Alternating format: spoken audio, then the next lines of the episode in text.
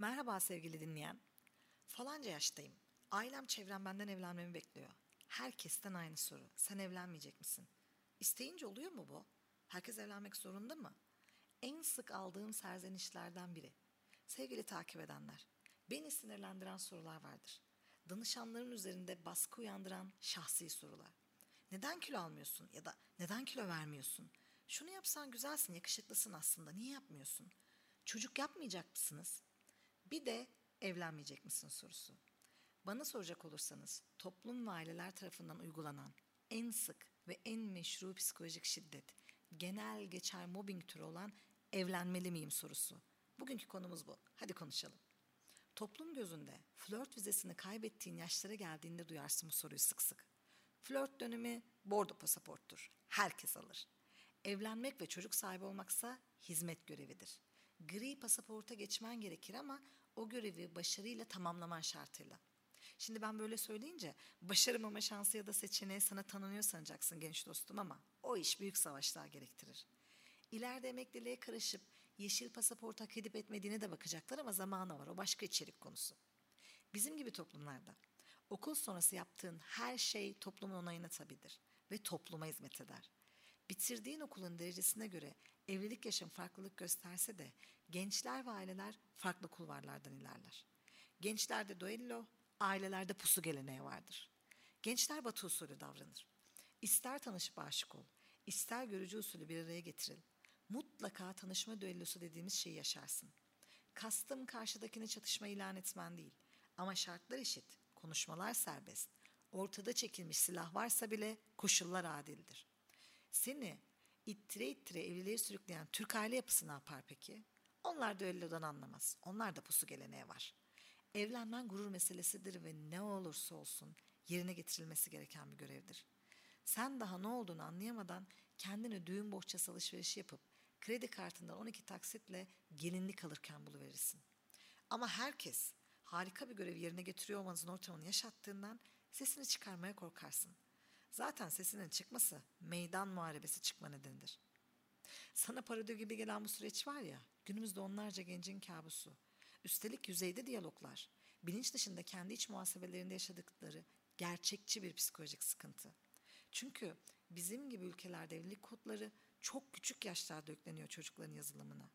Tanısın tanımasın, beğensin beğenmesin birini bulup evlenmek, çocuk yapma görevini de başarıyla ifa, ifa etmek zorunda. Olmazsa ne oluyor peki?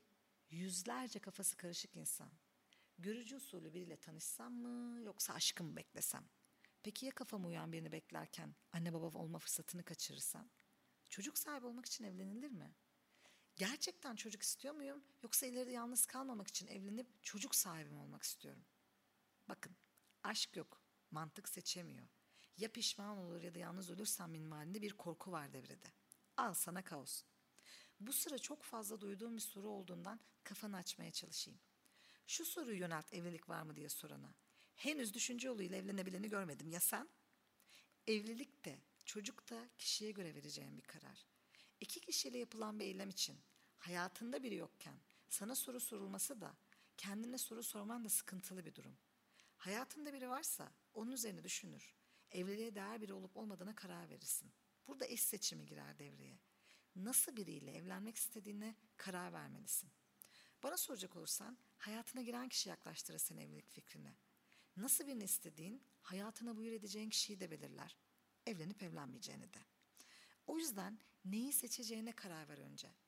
Aynı evde günlerce kalacağın ya da eğer şayet ikiniz de istiyorsa yarı özellikleri ona benzeyecek bir çocuk yapacağın. Bay, bayan doğru nasıl olmalı? Herkes evlenmek zorunda mı? Tabii ki değil. Ancak kimse kendisi seçmedikçe yalnızlığı da hak etmez. O yüzden evlenmek zorunda değilsin. Ama biriyle devam etmek için nasıl birini hayatında istediğine karar ver önce. Kendin seçtiysen yalnızlığı şayet bunun için bir açıklama yapmak zorunda hissetme. Belki kötü ilişkiler yaşadın. Belki çok kalabalıktın, yalnızlık iyi geldi sana. Belki yanlış yerlerde çok çocuklar aldın. Devasa bir sorumluluktan uzak durmak istiyorsun. Hazır olmadığın bir konuma girip başkasını mutsuz etmemek yapacağın en iyi şey zaten.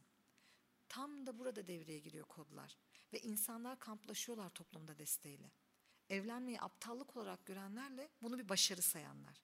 Bir şeyi üst limit ve kriter olarak görmenin de bir kesimi istek ve ihtiyaçları için aşağılamanın da nasıl psikolojik yıkımlar yarattığını görmüş bir terapist olarak bunu yapmanı tavsiye etmem. Sana bir görev ölçütü verildi diye kısa sürede ve dolayısıyla tanımadan biriyle evlenip çocuk yapmak akıllıca değil evet. Bunu neden yaparsın? İşte o başta söylediğim sorulardan ötürü. Yalnız kalmaktan, ileride pişman olmaktan korktuğun için. Toplum seni başarısız göreceği için. Yalnız ölmemek için. Çevrende içten içe mutsuz olduğu halde ben görevimi yerine getirdim, sen de getireceksin diyenler olduğu için.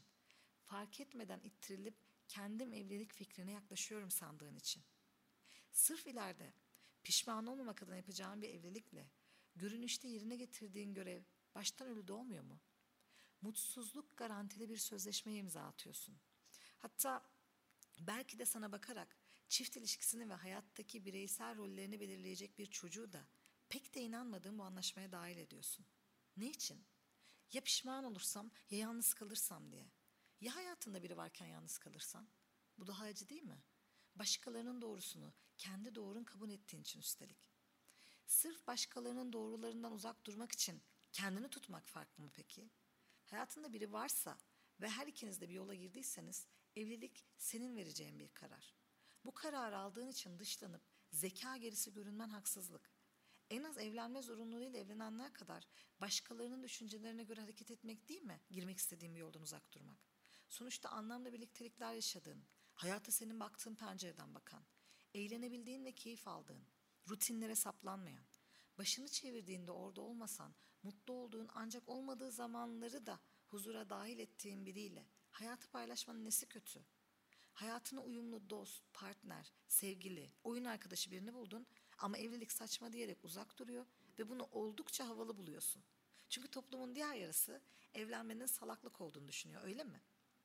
Eğer ikinizin kararı bu yöndeyse elbette bunu da düşünebilirsin. Ancak seninle hayatı geçirmeye istekli, bu denli uyumlu birini bulup sırf bu düşüncelerden dolayı kayıp da edebilirsin onu. Ya hayatını güzelleştirecek olanı bu yüzden ömür boyu kaybedersen daha acı değil mi? Tarih derslerle dolu sevgili dinleyen. Sevr Anlaşması'nı bilirsiniz. Bir ulusun savunma, ekonomik ve siyasi varlığını, kişiliğini bitirmeye amaçlıyordu. Biz çıkıp tüm dünya bitti dediği halde kulak asmayana dek. Evlilik konusundaki ön yargıları da buna benzetiyorum biraz. Her iki ön yargı da varlık tehdidi içeriyor aslında. Sırf yalnız kalmamak adına içinden yükselen tüm sesleri ve ileride savunabileceğin tüm sebepleri sessize alıp devasa bir ekonomik masrafa girip toplum görevi adına kişisel ve siyasi varlığından, sınırlarından vazgeçip evlenmeyi pişmanlıkla takas edebilirsin. Sonra da ben görevimi yaptım, yalnız mı ölecektim derken ne kadar yalnız olduğun duygusuna bastırırsın. Tersi durumda yanında birlikte yürüyüp savaşacağın, başkalarının bakış açısından dolayı vazgeçmeye göze aldığın biriyle kendi varlığından ve her ikinizin mutluluğundan vazgeçmiş olursun. Bu durumda hasta adam sıfatını kabul edip yalnız bir kadın ya da adam olarak kaldığında doğru kararı verdim diyerek bastırırsın içinden gelen sesleri. Birinin hayatını alman vereceğin büyük bir karar. Doğru zamanda olması, ne istediğini bilmen, hazır olman, gerçekten istemen gibi şartlar bir araya geldiğinde iç huzuru duyarsın. Toplumun kronometresi ya da iç korkuların tehlike çanları işaret ettiğinde değil. O yüzden seni ittirip pusu kuran toplumun baskın sesinden ya da seni duelloya davet edip yalnız bırakan olumsuz iç sesinden de uzak dur. Eğer bir doğru varsa senin için ve kapın açılacaksa belirlediğin şartlarda o kapıyı açacak kişi geldiğinde hoş geldin demeye hazır olacaksın elbette. O seni tanıyacak, sen de onu tanıyacaksın. Ve o gün geldiğinde diyeceksin ki Nazım gibi, hoş geldin, yerin hazır, hoş geldin. Dinleyip diyecek çok. Fakat uzun söze vaktimiz yok. Yürüyelim. O zaman bir sonraki podcast'e kadar sevgiyle kalın, güvende kalın, bizi takipte kalın. Hoşçakalın sevgili.